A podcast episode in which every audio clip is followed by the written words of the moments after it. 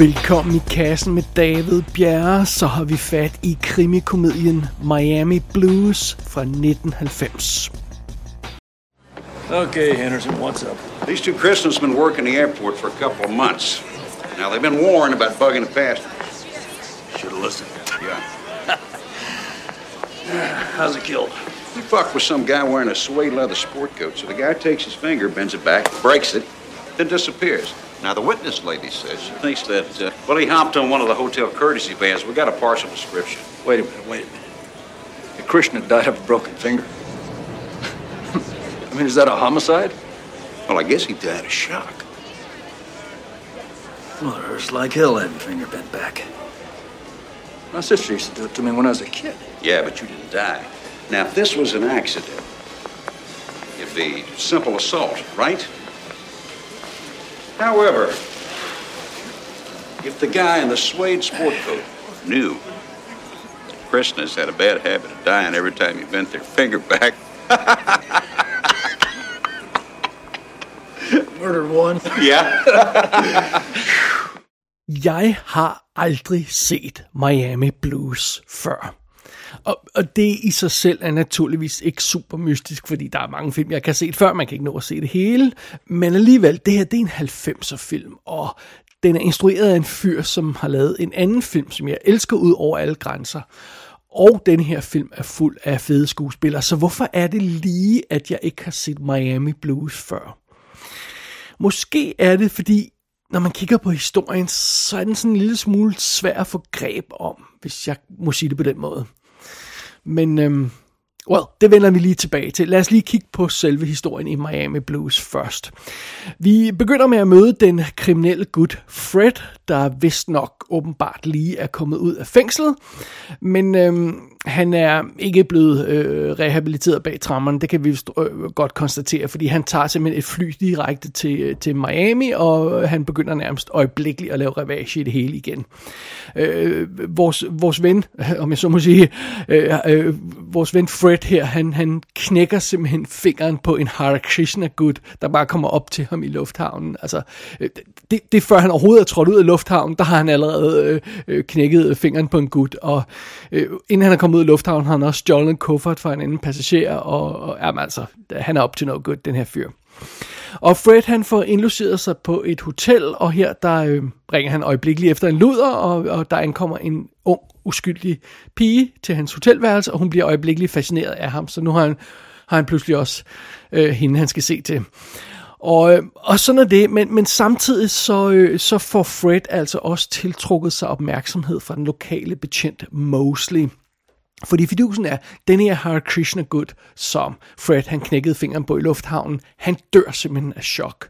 Og det er grunden til, at Mosley han bliver blandet ind i den her historie, fordi han efterforsker simpelthen det her, hvad der nu er et mor. Og, øh, og af uansagelige årsager, så støder de her folk sammen, og på forskellige måder støder de sammen, Fred og Mosley, og Fred ender med at stjæle Mosleys pistol og politiskilt. Og efterfølgende så render Fred altså rundt i Miami og bruger det her politiskilt til at stjæle fra andre forbrydere. Og, og, mens han gør det, så leger han altså familie med den her unge luder, som, som han nu har shagget op med. Og midt i det hele, så forsøger Mosley så at finde ud af, øh, hvad fanden i helvede er den her fyr, der render rundt og laver så meget ballade i hans by, og, og så må han selvfølgelig også forsøge at stoppe den her psykopat, der synes at blive øh, mere og mere ude af kontrol med de ting, han tillader sig, og de ting, han forsøger at gøre. Godt hjulpet af det her politiskilt, han nu render rundt med. Så øhm, det er simpelthen plottet i øhm, Miami Blues, eller det er i hvert fald det overordnede sådan plot i den, men, men øhm, hvad handler den her film egentlig om, når det kommer til stykket, og hvad vil den her film? Lad os lige lade de der to spørgsmål hænge i luften et øjeblik. Inden vi går videre, så kigger vi lige bag kameraet og på rollelisten, som vi plejer. Instruktøren af den her film er George Armitage, og det er altså ham, der har lavet en fantastisk film, som jeg elsker. Den, øh, det kommer til om et øjeblik. Han har lavet en masse små ting i 70'erne, The Hitman, Vigilante Force, øh, Private Duty Nurses, aner ikke, hvad det er. Så laver han altså denne her film, Miami Blues, i 1990, så laver han sit mesterværk i 1997, Gross Point Blank, den fantastiske Gross Point Blank. Og så laver han The Big Bounce i 2004, og så har han ikke instrueret noget siden. Meget mystisk gut. Men, øh, men ja, sådan er det. I hovedrollen som øh, Frederick Fringer, eller bare øh, øh, Fred, som vi kalder ham, eller, eller Junior, som han også bliver kaldt undervejs, fordi det hedder han også. Øh, I hovedrollen som den person der, der har vi Alec Baldwin. Og ham har vi jo rent faktisk haft i kassen før i forbindelse med Heaven's Prisoners fra 1996. Øh, I øh, samme år som den her lavede 1990, der har han jo også The Hunt for Red October i, i biograferne, og øh, han laver Glengarry Glen Ross og The Getaway og The Shadow i, i, i den mellemliggende periode der. Så øh, det, det er her, hvor Alec Baldwin han ligesom får sit store gennembrud, eller i hvert fald ikke takket være. Den her film nok mere takket være Hunt for October. I rollen som Susie, der er den her unge luder, der, der shakker op med vores, øh, vores held, øh, om man så må sige, Fred, der har vi Jennifer Jason Lee. Og øh, hende har vi også haft i kassen før i, for, i forbindelse med Grandview USA. Hun laver jo, øh, op igennem 80'erne laver hun sådan noget som Flesh and Blood og The Hitcher. Og øh, i 91 laver hun Backdraft, hvor hun altså er sammen med William Baldwin, bror, brormanden til, til Alec. Det er meget sjovt. Øh, som øh, politimanden Mosley, der, der jager øh, den, her, den her forbryder, der har vi Fred Ward. Og øh, det er ja, samme år, som han laver den her, der laver han Tremors, som vi jo elsker ham for. Øh, men ellers dukker han jo op i sådan noget som Chain Reaction, og han er faren i Road Trip og sådan noget, og ja, vi kender ham fra en masse ting. Øh, Fred Ward, ham elsker vi, øh, ikke mindst øh, øh, takket være Tremors. Øh, derudover så dukker der sådan lidt andre småfolk op, som man kan, vil, vil, vil genkende til. Øh, Charles Napier dukker op som, øh, som Mosleys marker, og det, det er jo ham, øh, altså man kender øjeblikkeligt ansigtet på, han er med i tusindvis af ting, men han er blandt andet en af betjentene, der passer på øh, Hannibal Lecter i The Silence of the Lambs, fordi han duk, dukker op i mange Jonathan Demme film. Øh, vi har Nora Dunn som Elita, der er... Um, der er også en, en politikvinde, der arbejder sammen med, øh, med, med Mosley, og øh, hun er, hun er sådan en eller anden Saturday Night Live komiker, hvis nok også. Man burde kende hende. Hun, hun virker bekendt, men jeg kunne ikke lige se nogle film, hun har været med i, jeg havde set. Øhm, og så har vi Paul Gleason, som en, en uh, korrupt betjent, vi møder undervejs. Det er jo ham, vi alle sammen husker for, for Die Hard og, øhm, og The Breakfast Club. Men derudover er der ikke så forfærdeligt mange kendte navne på rollelisten, og det er altså hovedsageligt Alec Baldwin, Jennifer Jason Lee og Fred Ward, vi fokuserer på i den her film. So, Harmon, where'd you do your time? Time? What do you mean? Oh, the way you're guarding that food.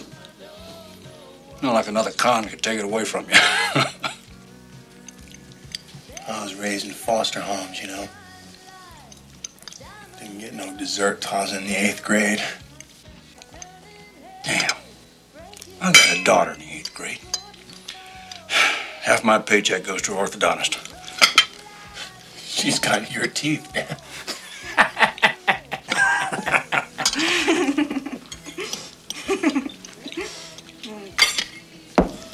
Yeah, joint's about the only place you got the time to work out to get a grip like that.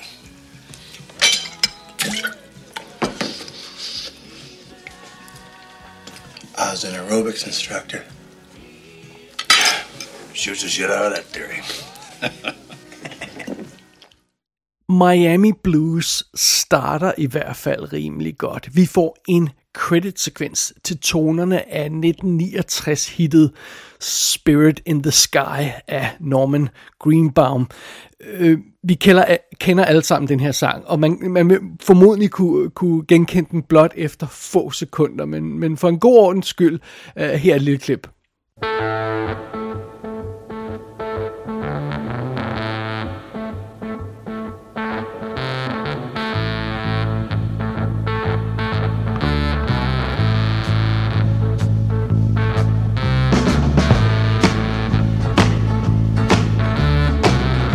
Det her er sangen, som Tom McNichol i The New York Times kalder for en oddly compelling combination of gospel and hard rock. Og denne her sang har været brugt i utallige film utallige film. Vi snakker sådan 30-40 stykker, eller hvor mange det nu er. Øh, og efter den her credit-sekvens øh, med, med tonerne den her sang i ørerne, der bliver vi altså introduceret for Alec Baldwins øh, forbryder Fred, som, øh, som virker som en modbydelig dude, som det nok skal blive en fornøjelse at sætte en stopper for senere i filmen. Men fidusen er, så møder vi kort tid efter vores politimand, Mosley, spillet af Fred Ward, og nu bruger jeg bare deres skuespillernavn, bare for, for nemhedens skyld øh, fremover. Øh, og han er ved at, øh, og, og, og snakke med en, en stikker. Og det er altså sådan en blind sort stikker, der, der, der ligner noget fra en Eddie Murphy-komedie. Uh, I was with the Green Beret, uh, Special Unit Battalion's uh, Commando Airborne Tactics Specialist Tactics uh, Unit Battalion. Yeah, it was real hush-hush. Og Fred Wards karakter har har topmave, han har sådan en underlig frisyr, der får ham se, til at se sådan en lille smule indavlet ud, og så starter han filmen uden et gebis i munden. Fordi han har åbenbart gebis, og det her gebis får en overraskende stor rolle at spille i den her film. Og det er altså åbenbart vores held i den her film. Øh, og, og bare lige for at indskyde øh, den bemærkning, Fred Ward har første credit på den her film, før Alec Baldwin. Og, øh, og, øh, og det, det kunne give indtrykket af i hvert fald, at, at det her det er lige så meget Fred Wards film, som det er Alec Baldwins film. Men, men øh, altså, det, det er sådan underligt første indtryk, vi får af den her politimand. Han virker som en nar, han virker åndssvag, han virker som en karikatur nærmest, og jeg, jeg, jeg tænkte i hvert fald øjeblikkeligt, hvad, hvad fanden sker der her? Hvad, hvad har den her film tænkt sig? Hvem skal vi holde med? Altså, øh, øh det, det, og, og, og de to spørgsmål, det, det virker som om det ligesom er kernen i, i øh, Miami Blues' problem. Øh, hvad har den her film tænkt sig med den her historie, og, og hvem skal vi holde med i den her historie? Altså, vi har allerede fået etableret Alec Baldwins karakter af en modbydelig, voldelig fusker og forbryder. Han er ikke charmerende, sådan som gangsterkarakter jo godt kan være på film. Han, han er ikke sådan en fyr, der i virkeligheden har et hjerte af guld. Han er bare en psykopat. En uscharmerende psykopat. Og den her øh, politimand, som Fred Ward spiller, han virker også som et fjols. Han virker inkompetent. Han virker også uscharmerende. Han, han er faktisk småklam sådan af og til, og, og, og opfører sig underligt, og, og øh, så er der jo sådan set kun Jennifer Jason Lees luderkarakter tilbage i filmen, og hun er altså også en lille smule svær at holde med, fordi øh, hun, er, hun er uden tvivl den, den mest frustrerende svage karakter i den her film på et tidspunkt så virker det som om, at, at, at filmen kører hende i stilling til måske til at, til at være en karakter, der har lidt mere bid. Jeg kommer til at tænke på sådan noget som den her Fran-karakter, der er i The Getaway, hvis man kan huske den karakter, øh, som, som, en, øh, som bliver slæbt med på, på sådan, øh, som gissel nærmest, og så ender med at, at, at blive lun på den her forbryder og slæber hende med. Jeg, jeg troede måske, man ville bruge den her karakter sådan noget i den retning. Øh, men den her øh, karakter, som Jennifer Jason Lee spiller, hun, hun, hun ender som sådan en forsagt nikkedukke, der bare sådan stille og roligt, ja, jeg skal nok lave mad til dig til, til, til Alec Baldwins karakter, og så har hun ellers ikke rigtig noget at sige i filmen. Så jeg spørger igen, hvem fanden skal man holde med her? For der er ikke nogen af de her tre leads, jeg sådan rigtig øh, har lyst til at holde med. Og, og det bringer så det andet øh, spørgsmål i spil. Øh, øh, hvad er den her film tænkt sig? Altså, hvad, hvad, skal, hvad, hvad, hvad har den gang i? der bliver sådan lidt lagt op til fra start, synes jeg, at det her det skal være sådan en politimanden versus forbryderen film. Men filmen har meget mere fokus på Alec Baldwins karakter, og det skaber en lille smule øhm, uligevægt i filmen. Øh, det, det føles mere som Alec Baldwins historie, mere end det er en historie, der er delt mellem den her politimand og den her forbryder. Så hvis det var, det var sådan en, en dobbelt historiefilm, der fat i, så har han i hvert fald ikke held med det. Øh, og som allerede etableret, Alec Baldwins karakter er ikke sympatisk. Han virker som en røvhul og en psykopat, så hvorfor skal vi følge ham egentlig? Well, ja, det virker ikke så godt. Den, den struktur, eller den, den vægt i filmen, den, det, det virker ikke særlig godt.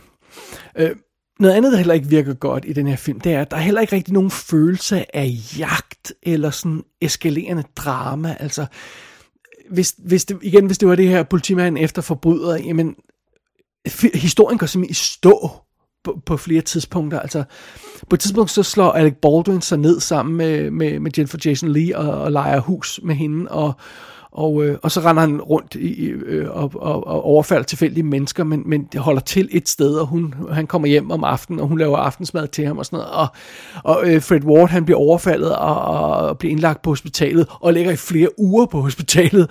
Så, så, så kan man jo ikke få nogen fornemmelse af, af jagt eller drama, når det bare sådan, karakteren er gået fuldstændig i stå i den her historie. Og, øh, og, og, og, og det, det, er også fordi, jeg ved ikke rigtig igen, hvad, hvad har filmen tænkt sig, fordi det her problem, det bliver allerede tydeligt på et tidspunkt, øh, ret tidligt i historien, fordi øh, Fred Wards karakter, politimanden her, han, han dukker simpelthen op hos Alec Baldwin og Jennifer Jason Lee, fordi han er ved at undersøge den her sag om den her øh, Hare Krishna-gut, der blev myrdet eller øh, døde ved, i, i lufthavnen, og han har fået, fået spor, der leder ham til Alec Baldwin. Og, og det virker som om, han har gennemskuet, at Alec Baldwin står bag det her overfald i lufthavnen. Men i stedet for en effektiv scene, hvor Fred Ward så konfronterer øh, Alec Baldwin, så bliver han inviteret til middag hjemme hos den her øh, øh, weird familie med forbryderen og luderen. Øh, og så, så dukker den her politimand op og skal stille nogle spørgsmål, men så ender han med at blive til aftensmad, og så voldæder han aftensmad og drikker alle deres øl, og når der ikke er flere øl, så går han igen. Og, øh, og så kommer han lige med en eller anden øh, hentydning til, og han ved godt, at, øh, at Alec Baldwin er involveret. Og, øh, det er så underlig en scene, og jeg er bare sådan, hvad, hvad har I tænkt jer? Skulle det her være sådan en eller anden effektiv drama? Der er ingen ordentlig spænding i scenen. I stedet for sidder de og snakker om opskrifter på lamb chops og sådan. Altså, øh, øh, og, og, og igen, det er den scene, der ligesom fører videre til, at øhm, øh, Alec Baldwin så stjæler Fred Wards pistol og skilt. Og, øh, og, og, og begynder at bruge det i, i sin, i sin øh, forbrydervirke. der bruger han det her politiskilt og den her pistol i, i sit forbrydervirke. Men, men det virker som om, der er... Der burde være skrevet en meget mere interessant scene, en meget mere interessant sammenstød mellem de her karakterer, der kunne, der kunne lede videre til en, til en meget mere bitter kamp mellem dem, fordi at, uh, at øh, Fred Ward, han så føler sig øh, Øh, øh, ja, impotent, fordi han har fået taget sit, sit, sit, sit øh, skjold og øh, sit, sit shield og sit, sin pistol, og, og Alec Baldwin, han går rundt og, og leger forbryder og, og, og, og leger politimand og, og, og klarer sagerne. Altså, det virker som om, der kunne at, at de scener kunne bruges til meget mere, kunne skrives meget bedre og bruges til meget mere. Men, men det er som om, den her film konsekvent nægter at lave nogle mindeværdige scener med nogle mindeværdige, effektive konfrontationer og, og, og, og, og ordentlig dialog mellem de her karakterer. Jeg synes, det er virkelig besynderligt. Hvis vi lige tager et øh, hurtigt skridt tilbage og lige tager et hurtigt overblik. Øhm, 90'erne gav os jo en række øhm, øh, moderne krimier, og øh, jeg, jeg synes, det er jeg synes, det er fair nok at give øh, en del af skylden til, til, til de film, der kom i 90'erne, til Quentin Tarantino, selvom jeg absolut ikke er nogen fan af ham. Så han lavede jo Reservoir Dogs i 92, og han lavede Pulp Fiction i 94, og øh, det virker som om mange af de film, der kom i 90'erne, øh, efterfølgende forsøgte at sådan imitere hans stil på et eller andet plan. Men fidusen er jo, at Miami Blues er to år før Reservoir Dogs, øh, premieren i hvert fald. Og øh, det vil sige, at den har ikke den her Tarantino-stil som inspiration eller som skabelon for sin historie.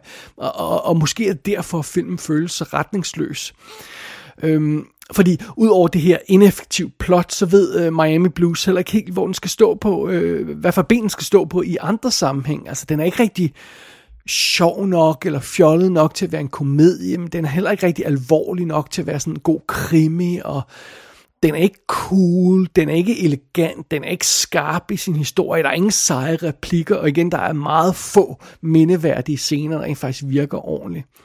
Og, og det er meget sjovt, fordi hvis vi nu tager et lille hurtigt overblik over bare de film, vi har anmeldt her i kassen, i den genre, som, som, øh, som øh, Miami Blues er lidt i, fra samme år, bare fra 1990, Øh, så har vi jo anmeldt sådan nogle film som uh, The Adventures of Fort Fairlane, Bird on a Wire, The Rookie, The Hotspot, State of Grace. Det er alt sammen sådan noget, man kunne kalde moderne neo-noir, sådan i, i, i varierende grad. Nogle af dem hælder mere mod komedie, som Bird on Wire og, og Adventures of Fort Fairlane. Øh, men der er det her øh, gangster, krimi, politi aspekt af, af, af de her historier. Så, så de fem film, de er fra samme år som Miami Blues. Og det er sjovt, fordi de er meget forskellige. Altså, de går fra det fuldstændig ladeglade i, i uh, Adventures of Fort Fairlane til det benhårde, iskold gangsterdrama i State of Grace for eksempel. Øh, og hen over sådan noget som Hotspot, der er også rimelig hardcore. Og Miami Blues har faktisk scener, der kunne passe ind i næsten hver af de fem film, jeg har nævnt her. Øh, fra det helt lalleglade til det, mere, til det semi-seriøse til, til, det, til, til det mere, mere seriøse. Øh, og det indikerer måske meget godt, at den her film ikke aner, hvad fanden det er, den vil, vil være, og hvad den skal gøre, og hvad, hvad, hvad den hvad, hvad, hvad, hvad for et ben den skal stå på igen. Det, det virker som om Miami Blues ikke har noget som helst, øh, nogen fokuseret stil, eller nogen som helst øh, øh, ja, øh, retningsbestemt øh, øh, øh, fornemmelse for, for, hvad den vil. Den er all over the place. Faktisk så vil jeg sige, at sådan en film som uh, Two Days in Valley, som vi har snakket om også her i kassen, som er fra 1996 godt nok, det er den som uh, film, som, som, uh, som ligner uh, Miami Blues mest, fordi den også har det her med, at jamen, den vil gerne være seriøs, den vil også være fjollet, og og det fungerer ikke rigtigt for, for Two Days in the Valley, og, og øh, ja, øh, når man sammenligner den med Miami Blues, så er det jo ikke nogen rungende anbefalinger, og det er med vilje, fordi den her film er, er et, et, et fucking mess, altså det, det er den, og, og et ineffektivt mess.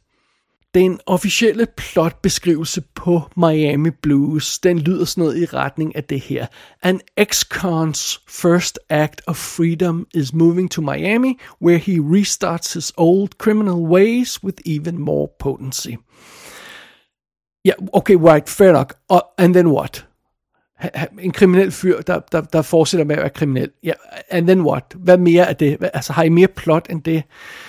Uh, uh, nej, ikke rigtigt. og det er ligesom der, Miami Blues øh, løber ind i en væg, fordi, og ovenkøbet så siger Alec Baldwin det selv på et tidspunkt, altså karakteren siger det selv, I don't know what I want, siger karakteren. Og hvis karakteren ikke selv ved, hvad han vil, hvordan fanden i helvede skulle filmen så vide det? Og, øh, og, og, og, ja, det er ikke fedt. Øh, Miami Blues starter som nævnt med den her sang, uh, Spirit in the Sky, og første linje, eller de første to linjer i den her sang er, When I die and they lay me to rest, gonna go to the place that's the best. Og jeg tror, at hvis Miami Blues havde fortalt sådan en slags selvdestruktionshistorie, som Leaving Las Vegas for eksempel er, hvor Nicolas Cage han tager til, øh, til, til øh, er det Las Vegas han tager til, eller er han Leaving Las Vegas, hvor han ender hen, så tager han derhen for at drikke sig selv til døde, ganske enkelt. Det er jo plottet i den film. Øhm, og hvis man havde kørt det i stilling sådan, at Alec Baldwin, han, han var ude på at opsøge ballade i en sådan grad, at politiet ville gøre det af med ham. Hvis det var det, der var, var målet for karakteren, at han simpelthen bare ville go out in a blaze of glory, så ville det et eller andet, øh, på et eller andet plan give mening, og så vil give mening, at han opførte sig sådan, men det er, Øh, det er ikke det, så det er ikke den historie, som Miami Blues fortæller lige nu. Det er det ikke. Hvis det havde været det, så kunne den måske have fungeret, den her film. Øh, men, øh, eller så havde der været potentiale i setup'et i hvert fald. Men, men øh, sådan som den er nu, der, der, ja, der virker den bare ikke. Øh, okay, fair nok, der sker trods alt nok i Miami Blues til, at den er, man kan tjekke den ud, og der er gode sko, øh, skuespillere med, som sagt, og den, den er ikke forfærdelig at, at se den her film, og man skal bare ikke forvente sådan en, øh, en specielt mindeværdig filmoplevelse fra, fra den her. Øh, altså, der er en grund til, at Miami Blues ikke er en klassiker, vi, vi, vi nævner i hver, hver anden sætning, når vi snakker om 90'er film. Det, det er der altså.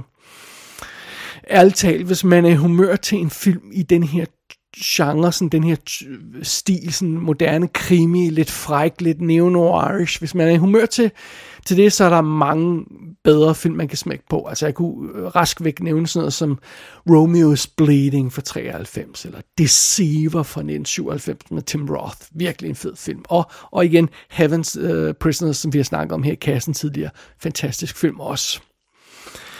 Der skulle gå syv år fra denne her film til George Armitage, instruktøren, han så lavede den film, hvor han ramte plet med, nemlig den fantastiske Gross Point Blank.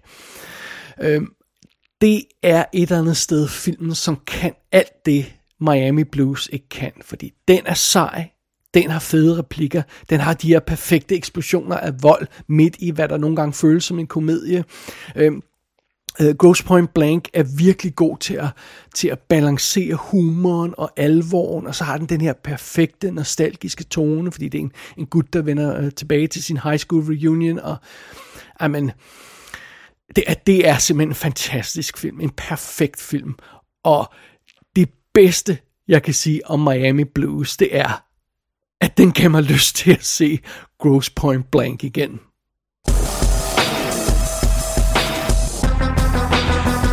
Miami Blues er ude på amerikansk Blu-ray, og man kan muligvis stadigvæk opdrive en engelsk eller amerikansk DVD. Gå ind på ikassenshow.dk for at se billeder fra filmen. Der kan du også abonnere på dette show og sende en besked til undertegnet. Du har lyttet til I Kassen med David Bjerre.